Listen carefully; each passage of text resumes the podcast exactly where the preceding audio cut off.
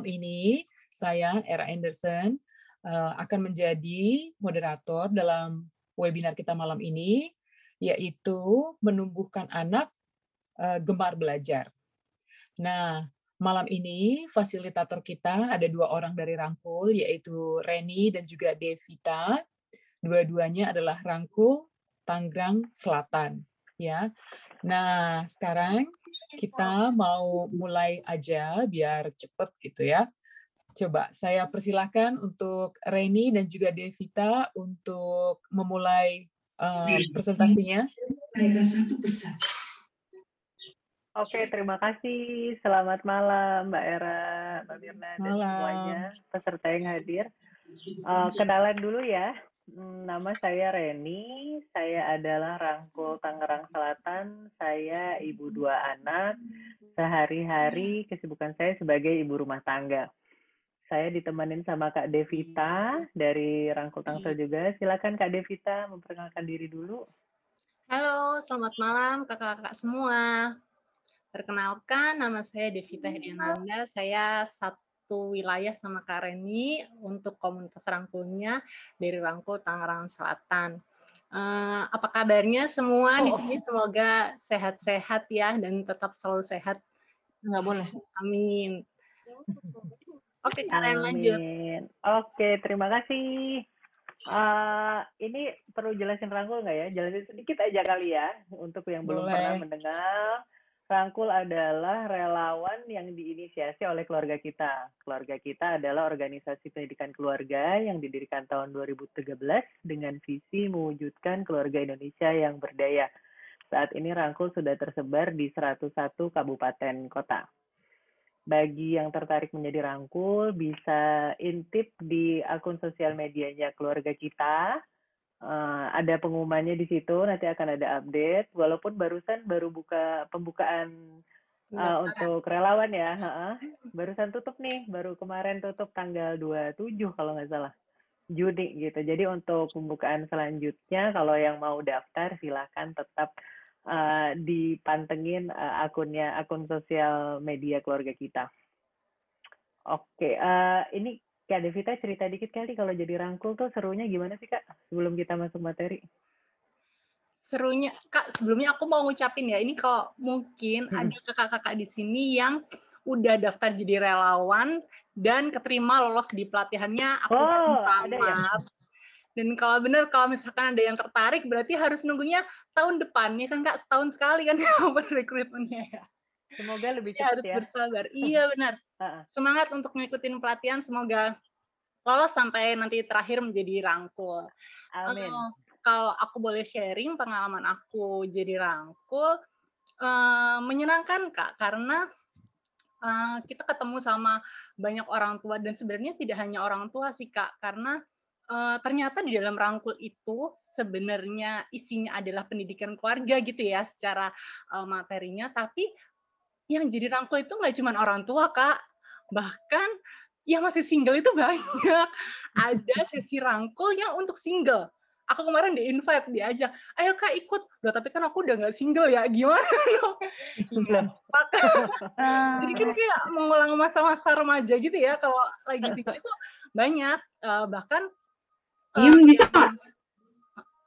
Bahkan ada juga yang udah punya cucu kayak gitu tuh ikut tuh banyak kak gitu. Jadi um, aku sih kalau misalkan tuh terpikiran sama kakak-kakak semua itu mereka ngerasa kayak ya karena pengasuhan itu urusan kita bareng-bareng gitu ya nggak cuma sekedar ketika kita jadi orang tua aja tapi ketika kita lihat anak tetangga terus anaknya kakak atau adik keponakan sendiri gitu itu kita jadi tahu kita tuh harus ngapain gitu. Dan gimana sih kita nyampaikan ke orang tua lain tentang anaknya kalau misalkan orang tua ini tidak melihat ketika ada kejadian orang tuanya tidak ada di tempat gitu. Nah jadi belajar banyak sih gitu. Terus senangnya juga di sesi-sesi kayak gini nih. Jadi banyak belajar dari orang tua lain gitu.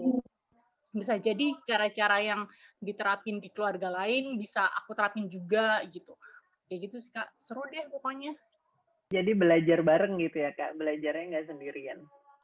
Uh, jadi memang seru sih jadi rangkul itu. Hmm, karena ngerasa nggak sendirian dan bisa saling belajar dari orang tua yang lain gitu ya kak Oke, kita langsung aja karena uh, lumayan nih kita akan nonton dua video malam ini di sesi menumbuhkan anak gemar belajar. Sesi ini adalah bagian pertama dari kurikulum belajar efektif yang disusun oleh keluarga kita.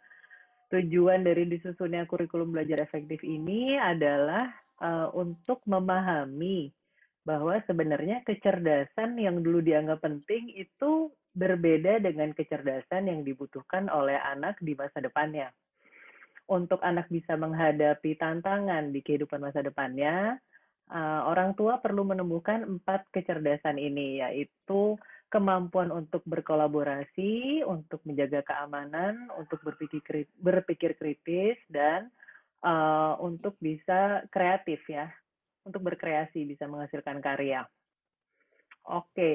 uh, iya uh, ini uh, nanti bisa ini nanti materinya sebenarnya nanti bisa dilihat di sekolah.mu ya Kak Devita nanti kita ada linknya untuk bisa lihat lagi. Ini kita brief aja sekarang uh, penjelasannya. Aku sebelum masuk ke video pertama tentang kecerdasan masa depan, aku mau tanya sedikit dong, uh, menurut teman-teman yang dimaksud dengan kecerdasan tuh apa sih? Boleh di chat aja pengen tahu sedikit sebentar aja. Kayaknya pengertian kecerdasan itu udah mulai bergeser ya, Kak. Betul, betul. Ketika kayak beda banget gitu ketika kita aku sih aku ketika aku jadi anak-anak orang tua melihat kecerdasan itu aku harusnya bagaimana terus ketika aku jadi orang tua ibu beranak dua laki-laki yang masih kecil-kecil ngelihat kecerdasan tuh kayak oke okay, ini nggak bisa nih kalau aku menerapkan apa yang orang tua aku terapkan di saat sekarang bener. gitu kayak udah nggak relevan lagi gitu bener bener Ini, bener bener ada Kak Reni Mayaranti kak kecerdasan itu jawabannya bijak dalam berperilaku dan mengambil keputusan okay. oh, Kak Era ikutan Kak Era langsung Waduh, aja kemampuan intelijen. kemampuan intelijen katanya Wah. luar biasa oke okay. oke okay. hmm, sebenarnya di keluarga kita tuh uh, kami percaya bahwa kecerdasan itu bukan sekedar uh, nilai dan ranking ya atau pendidikan uh, apa kemampuan akademik gitu. Kami percaya bahwa kecerdasan adalah uh, bentuknya itu dalam kompetensi, kompetensi yang uh, akhirnya kompetensi itu tercermin dalam perilaku, perilaku yang positif. Uh, dan punya pemahaman yang utuh. Mungkin ini masih kayak ngawang-ngawang ya. Aku dulu pertama ini ini apa sih sebenarnya gitu. Untuk lebih jelasnya kita bisa lihat video yang pertama tentang kecerdasan masa depan. Aku akan share videonya ya. Semua orang tua ingin anaknya cerdas. Tidak ada yang tidak sepakat tentang hal ini Tantangannya adalah bagaimana kita mendefinisikan kecerdasan. Seringkali kita mengatakan anak cerdas dengan definisi yang sangat terbatas. Sekedar cerdas akademis, sekedar cerdas untuk lulus ujian. Hal ini wajar karena banyak sekali dari kita, termasuk saya, yang punya pengalaman pendidikan yang sangat konvensional sebetulnya. Padahal pertanyaannya adalah buat apa kita menyiapkan anak untuk sebuah kecerdasan yang tidak banyak gunanya untuk masa depannya. Tantangan yang dihadapi anak di masa depan adalah tantangan yang sangat berbeda dengan tantangan yang kita hadapi pada saat ini. Sehingga pada saat kita bicara kecerdasan yang mungkin dulu kita anggap penting, bisa menjadi kecerdasan yang sangat jauh berbeda yang dibutuhkan anak untuk masa depannya. Pertanyaan tentang 20 tahun lagi kira-kira apa yang akan terjadi pada dunianya dan apa yang perlu disiapkan oleh anak bukan pertanyaan yang mudah dijawab karena begitu banyak perubahan yang terjadi di dunia. Membayangkan 20 tahun yang lalu dengan sekarang pun perbedaannya luar biasa. Apalagi 20 tahun atau 30 tahun mendatang saat anak-anak kita sudah dewasa. Kami di keluarga kita percaya sekali bahwa yang namanya kecerdasan masa depan adalah kompetensi. Kompetensi yang bukan cuma muncul pada saat anak tahu sesuatu, tapi harus muncul dalam bentuk perilaku. Perilaku yang didukung oleh sikap yang positif, perilaku yang didukung oleh pemahaman yang utuh. Kecerdasan masa depan yang kami percaya adalah kemampuan untuk kritis, kemampuan untuk menjaga keamanan, kemampuan untuk berkolaborasi, dan kemampuan untuk berkreasi. Kemampuan untuk kritis adalah kemampuan yang luar biasa pentingnya di masa sekarang, di saat informasi tersedia di berbagai tempat, tanpa dicari pun sudah datang, dan kita sering kali bukannya kekurangan informasi, tapi justru kelebihan informasi, dan harus punya kemampuan untuk memilah dan membedakan mana informasi yang valid, mana informasi yang bermanfaat, dan mana informasi yang benar. Tiga pertanyaan itu, kemudian pertanyaan tentang dari mana saya memperoleh informasi ini adalah pertanyaan yang mesti mampu dijawab oleh anak. Kemampuannya menjawab pertanyaan itu, kemampuannya untuk menjadi kritis akan ditentukan apakah kita sebetulnya mendorong perilaku yang positif dengan misalnya membiasakan anak untuk mencoba mencari tahu tentang sebuah informasi dan kemudian tidak menjadi contoh jelek yang justru menyebarkan informasi-informasi yang sesat atau palsu. Kita juga bisa menjadi contoh yang baik dengan mencoba melatih anak untuk melihat alasan di balik apa yang kita lakukan, alasan di balik peraturan yang kita terapkan. Akan sangat berbeda misalnya pengalaman yang didapat anak yang terbiasa mendapat penjelasan dengan pengalaman anak yang terbiasa menerima apa adanya. Susahnya, kita sering kali bilang penting untuk kritis, tapi kita bilang lebih baik kritis pada orang lain dan tidak mau anak kritis terhadap kita sendiri. Padahal latihan utama anak untuk kritis sebetulnya dimulai dari bersikap kritis terhadap apa yang dialami dan dilakukannya bersama keluarga di rumah. Pada saat kita berbicara tentang keamanan, kami di keluarga kita sangat yakin bahwa keamanan juga esensial. Keamanan bukan sekedar kemampuan untuk menghormati apa yang menjadi hak orang lain, tapi juga kemampuan untuk menghargai privasi, kemampuan untuk bersikap etis di dalam lingkungan sosial sekecil apa pun sampai lingkungan sosial yang begitu luas dan tak terbatas di dunia digital. Pada saat kita berbicara tentang kemampuan anak untuk memiliki sikap aman, sebetulnya pertanyaan yang kita inginkan dari dia muncul setiap saat adalah apa tanggung jawab saya? Apa resiko yang bisa muncul dari apa yang saya lakukan? Pertanyaan ini tentu tidak otomatis muncul karena butuh proses untuk bisa menumbuhkan sikap keamanan ini pada anak. Banyak cara yang bisa dilakukan. Banyak contoh yang sebetulnya bisa kita berikan walaupun kita sering kali sayangnya justru menjadi contoh yang kurang baik. Kita misalnya tidak mengindahkan aturan menggunakan aplikasi atau sosial media padahal sudah jelas-jelas ada batasan umur untuk menggunakan itu, 13 tahun misalnya. Alih-alih mengajarkan anak tentang keamanan, kita mengajarkan dia untuk berbohong dan tidak menghormati aturan dengan memalsukan usianya. Kita juga sebenarnya bisa mengajarkan tentang keamanan dari perilaku sehari-hari. Bagaimana bersikap aman dalam menggunakan mainan, bagaimana menjaga barang-barang pribadi dan juga barang-barang milik orang lain. Semua ini bukan perilaku sederhana dan sehari-hari. Semua ini bukan perilaku yang tidak penting karena justru dari hal-hal kecil anak belajar tentang keamanan diri dan keamanan lingkungannya. Pada saat kita bicara kecerdasan, hal yang juga sangat kami percaya adalah kemampuan kolaborasi. Banyak orang yang tidak percaya bahwa bekerja sama itu jauh lebih sulit daripada berkompetisi karena kompetisi sebetulnya sesuatu yang mungkin kita bawa sejak lahir dan sebetulnya tetap dilatih dalam berbagai kesempatan. Banyak anak yang justru kurang mendapat kesempatan berlatih bekerja sama. Padahal sekarang pun kita sudah melihat betapa banyak kesuksesan yang muncul karena kemampuan untuk bekerja sama dengan baik. Kemampuan ini, kecerdasan untuk bekerja sama, akan selalu menjadi sesuatu yang penting dan bahkan lebih penting lagi di masa depan. Banyak contoh-contoh kegiatan di mana terjadi gotong royong atau kerjasama pada saat mengumpulkan dana untuk kegiatan tertentu. Banyak contoh kegiatan di mana anak sebetulnya dituntut untuk bisa memperlakukan orang lain dengan baik dan tidak sekedar diam pada saat terjadi perundungan atau bully pada temannya. Semua kesempatan untuk bekerja sama ini melakukan sesuatu yang bukan cuma untuk kemenangan dirinya sendiri adalah kesempatan yang perlu ditumbuhkan untuk anak. Ditumbuhkan untuk masa depannya, tapi tidak bisa dimulai nanti, harus dimulai di hari ini. Kecerdasan yang terakhir yang juga sangat penting adalah untuk selalu berkreasi, menunjukkan kreativitas. Karya adalah sesuatu yang seharusnya menjadi target dari sebuah proses belajar. Kami selalu percaya bahwa proses belajar itu tidak berhenti sampai munculnya perilaku. Proses belajar tidak hanya berhenti kalau pengalaman saya dulu sampai ujian selesai, tapi sebetulnya sampai seseorang bisa berkontribusi dengan karyanya buat orang banyak pertanyaan utama yang selalu perlu ditanyakan pada anak adalah untuk apa saya belajar? Apa yang bisa saya gunakan dengan kemampuan ini?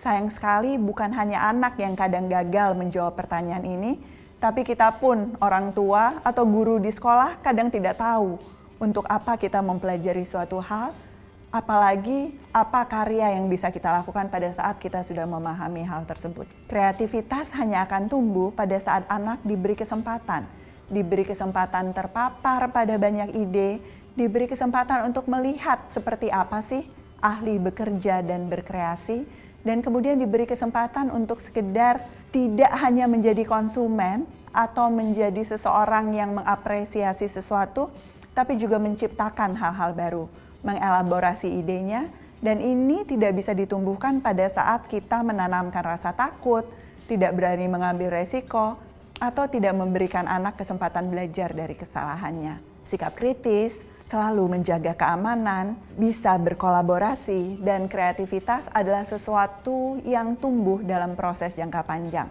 Ini tujuan 20 tahun mendatang, tapi bahkan pada saat usia anak Anda baru satu tahun atau dua tahun, tujuan jangka panjang ini harus selalu menjadi sesuatu yang kita ingat dan kita tumbuhkan.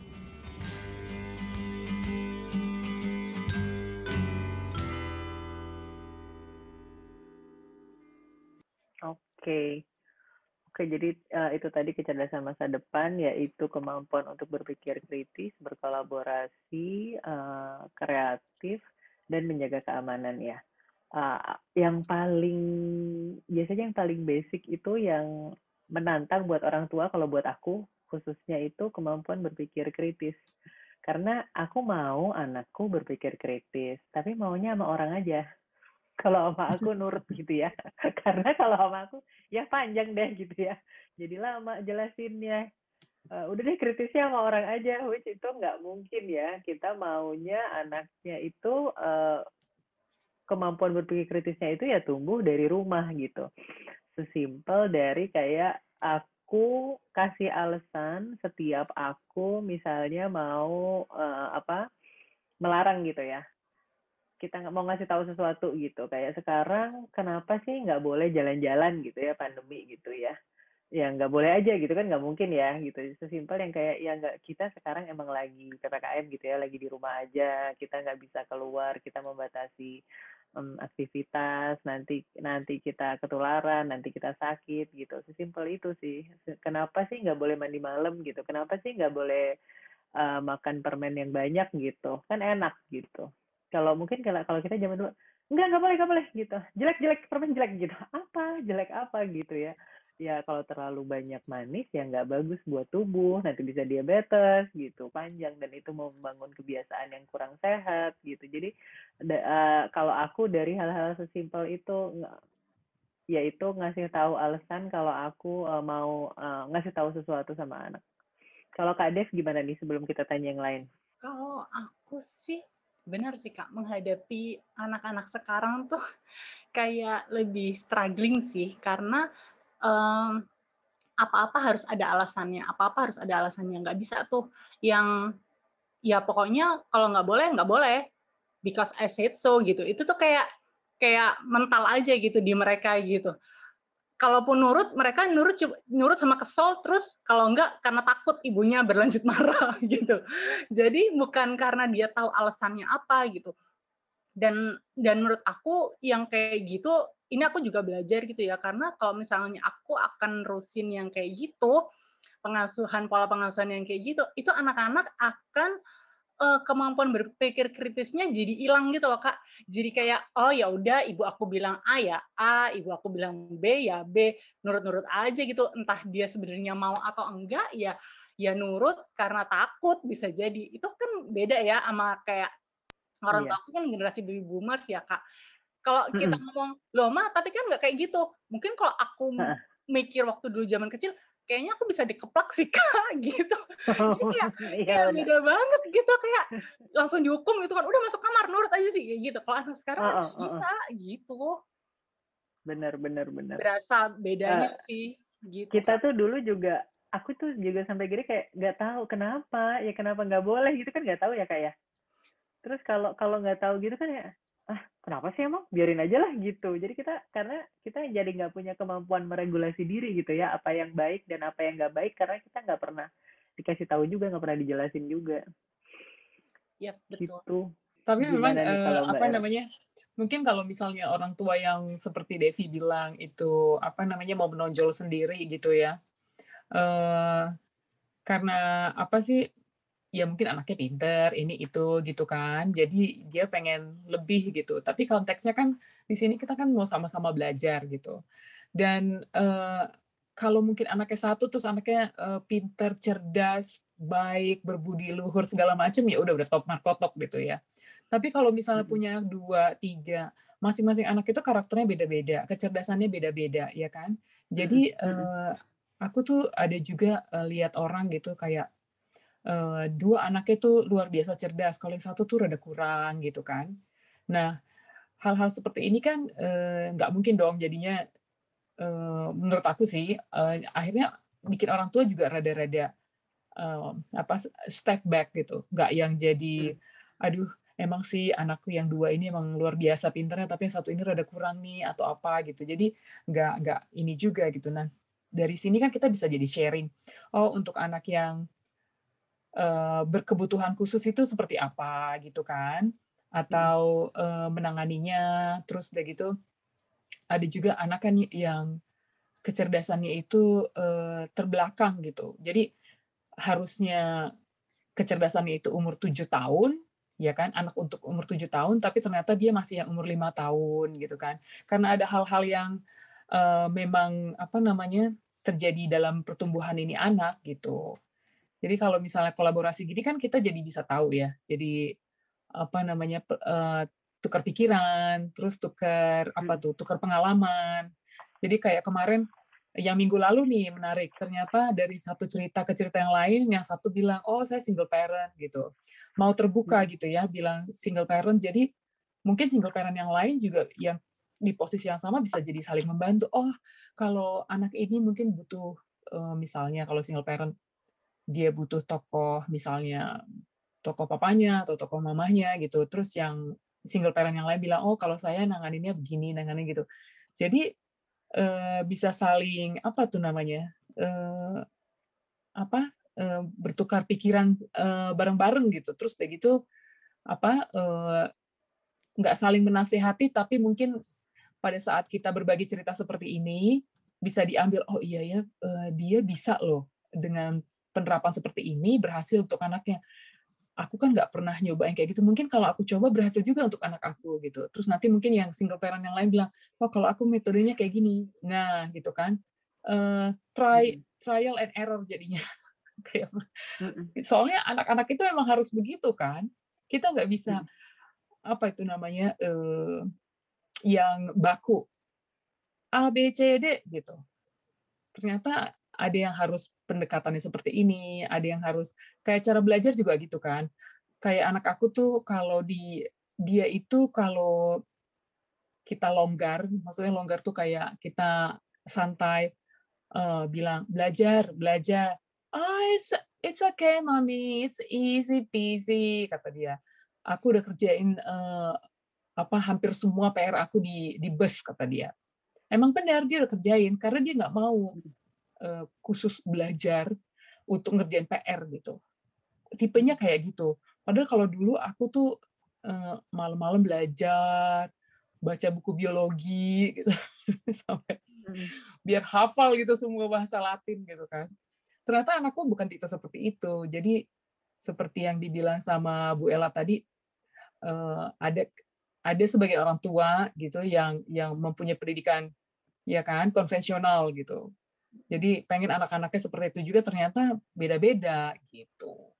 Cuman kalau akunya, kalau aku kebayangnya kalau dalam situasi gitu mungkin uh, aku akan lebih banyak uh, mengajak uh, tukar pikiran anak yang yang iya iya aja itu gitu kayak lebih aku akan lebih banyak nanya gitu menstimulasi kayak untuk hal-hal kecil aja hmm, aduh aku nih kayaknya telat nih sekarang berangkatnya. Menurut kamu gimana ya gitu? Aku sebaiknya naik apa ya perginya gitu. Kayak hal-hal simpel kayak gitu aja. Jadi kayak uh, diajak tukar pikiran gitu, ditanya gitu untuk uh, supaya dia lebih bisa mengeluarkan apa yang ada di kepalanya gitu. Mungkin selama ini juga dasarnya dari sananya dia nggak ekspresif atau pasif gitu dan mungkin dia butuh stimulasi lebih gitu ya.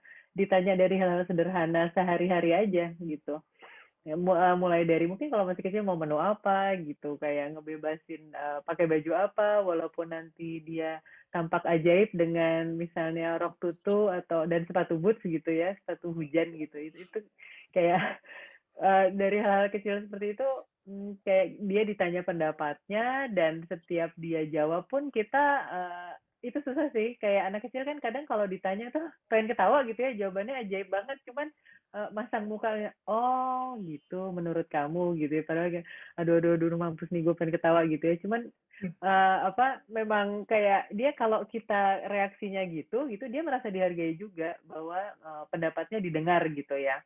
Dia bisa bersuara gitu. Jadi dengan harapan semoga dia tuh uh, apa bisa lebih bisa lebih kritis juga ya bisa lebih apa kalau kalau kalau ada info gitu atau kalau dikasih sesuatu dia bisa mempertanyakan juga. Dan itu salah satunya yang kalau setiap memberitahu atau melarang dikasih tahu alasannya juga.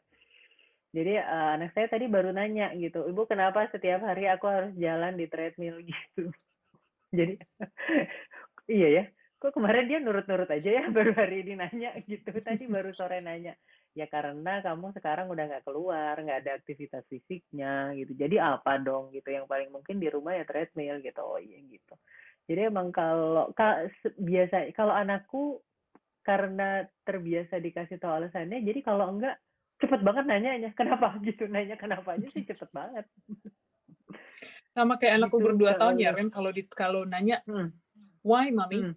why Why jadi, terus gitu ya terus benar why terus lagi, jadi, lagi gitu. padahal otaknya kan masih dua tahun dijelasin lebih kompleks dia nggak ngerti tapi dia seakan yeah, selalu yeah, nanya yeah. why oke okay, kita lanjut ke video kedua ya Ren oke okay. sip sip langsung ke stimulasi anak usia dini ya mm -mm. aku aku coba dulu kak Devita oh langsung oke okay.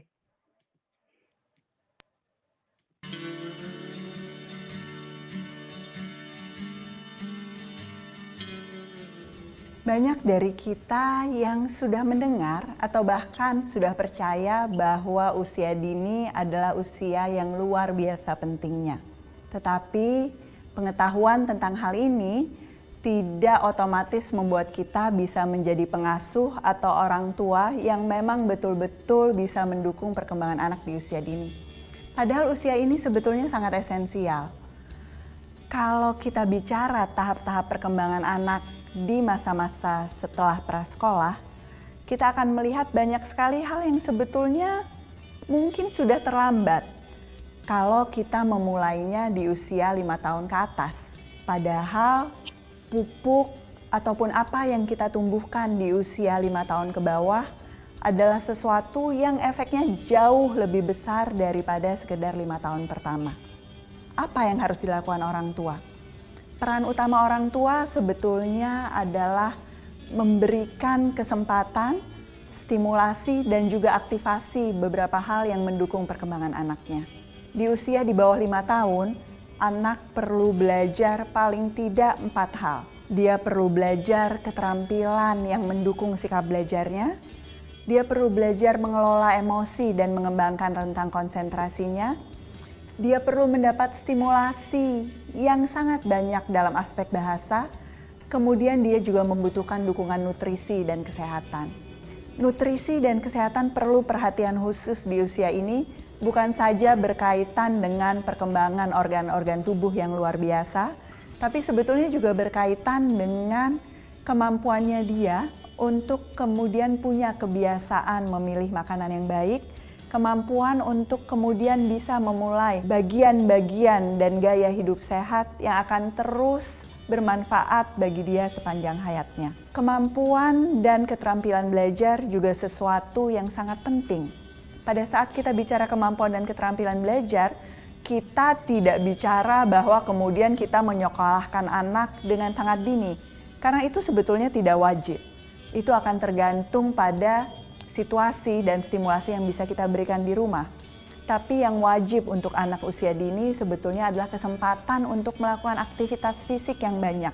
Karena lewat aktivitas fisiklah dia mengalami tantangan-tantangan, lewat aktivitas fisiklah dia sebetulnya mendapat kesempatan untuk bereksplorasi dan melatih seluruh inderanya. Berbagai latihan, mengenal panas dingin, mengenal situasi di luar rumah, mengobservasi alam, melakukan aktivitas fisik dari mulai yang sederhana sampai yang sangat menantang, yang mudah sampai yang kadang-kadang menegangkan, semua diperlukan untuk anak usia dini. Anak usia dini juga kemudian perlu belajar untuk mengenali emosi dan mengenali emosi yang muncul dari orang-orang di sekitarnya. Latihan sesederhana menamai emosi apa yang dirasakan dalam dirinya. Oh, kalau rasanya ada gunung mau meletus di dalam tubuhku, itu berarti aku sedang marah. Oh, kalau aku rasanya lelah dan mataku terasa berat, itu berarti aku sedang mengantuk dan itu berarti aku perlu berhenti bermain. Semua itu tidak muncul otomatis, tapi muncul lewat pengalaman-pengalaman dan pengenalan yang dikenalkan oleh orang tuanya secara kontinu. Anak-anak di usia prasekolah juga sangat perlu mendapatkan stimulasi bahasa bahasa sebetulnya bukan cuma bahasa verbal, tapi juga bahasa nonverbal dari apa yang dilakukan oleh orang tua. Anak menangkap itu semua dan anak adalah individu yang sebetulnya sangat mampu memahami apa yang disampaikan oleh orang tuanya walaupun pada saat itu dia belum bisa mengekspresikan dirinya dengan baik. Karena itu gunakan kosakata yang beragam pada anak. Walaupun kadang-kadang kita ragu apakah dia mengerti atau tidak Jelaskan apa pun yang dialami di lingkungan kepada anak. Ajak dia mengunjungi tempat-tempat yang beragam, ajak dia bertemu dengan orang baru sebanyak-banyaknya. Karena walaupun tidak terlihat, walaupun sepertinya pada saat itu orang tua yang aktif luar biasa, sebetulnya otak anak dan hati anak juga sedang sangat aktif pada saat itu. Perkembangan bahasa di usia prasekolah menjadi bekal yang luar biasa untuk kemudian menyiapkan dia untuk masa sekolahnya. Banyak sekali anak yang kemudian tidak bisa mengejar ketertinggalan maupun kesempatan untuk belajar lebih banyak di usia prasekolah dan menjadi tertinggal di masa-masa kehidupan selanjutnya.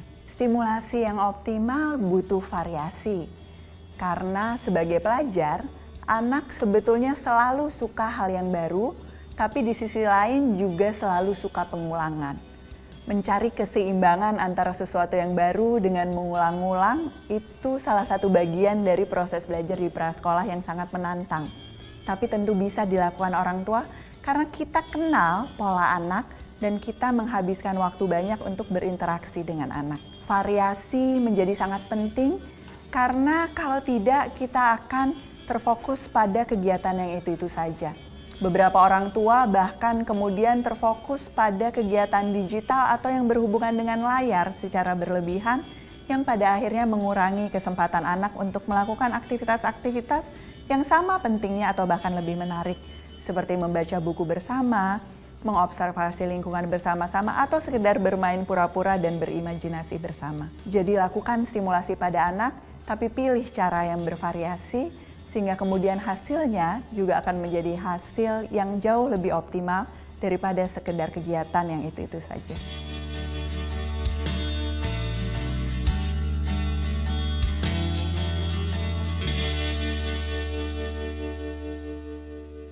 Uh, ini muncul lagi nih ya keterampilan mengelola emosi itu salah satu yang apa harus ditumbuhkan di anak usia dini gitu ya distimulasi. Ini nyambung kayaknya tadi ya sama Mbak Widya.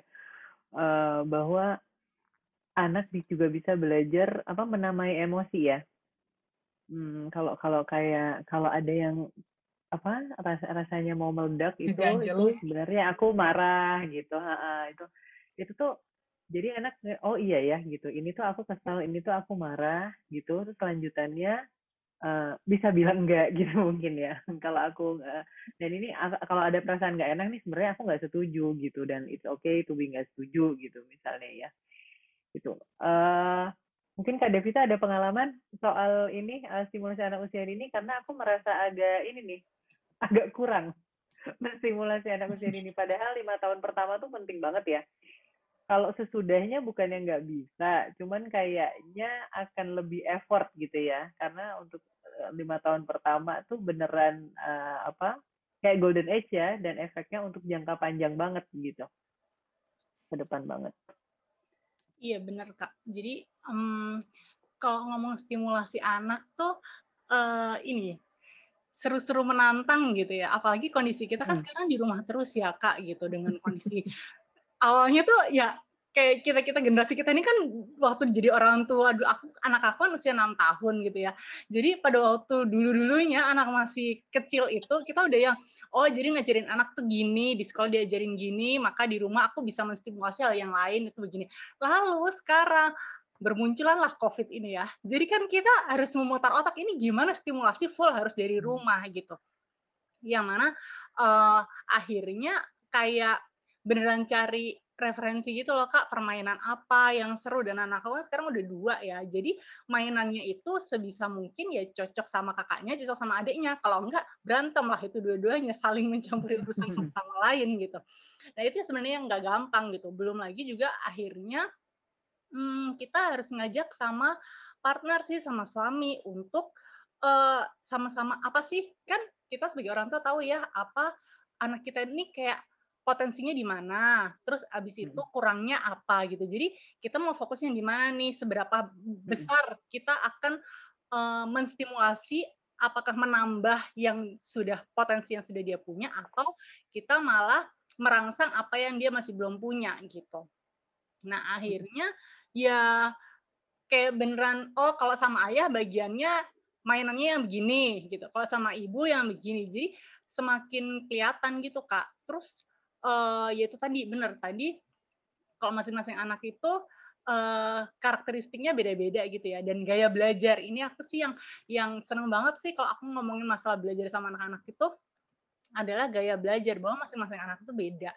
Kan ada tiga tuh ya gaya belajar kinestetik, audio, visual gitu. Dan masing-masing anak sebenarnya punya itu cuman mana yang dominan gitu kan kak. Akhirnya karena aku tahu anak aku kinestetik jadi kalau belajar sebelum belajar dia bisa duduk fokus, aku ajak dia mainan fisik gitu kak.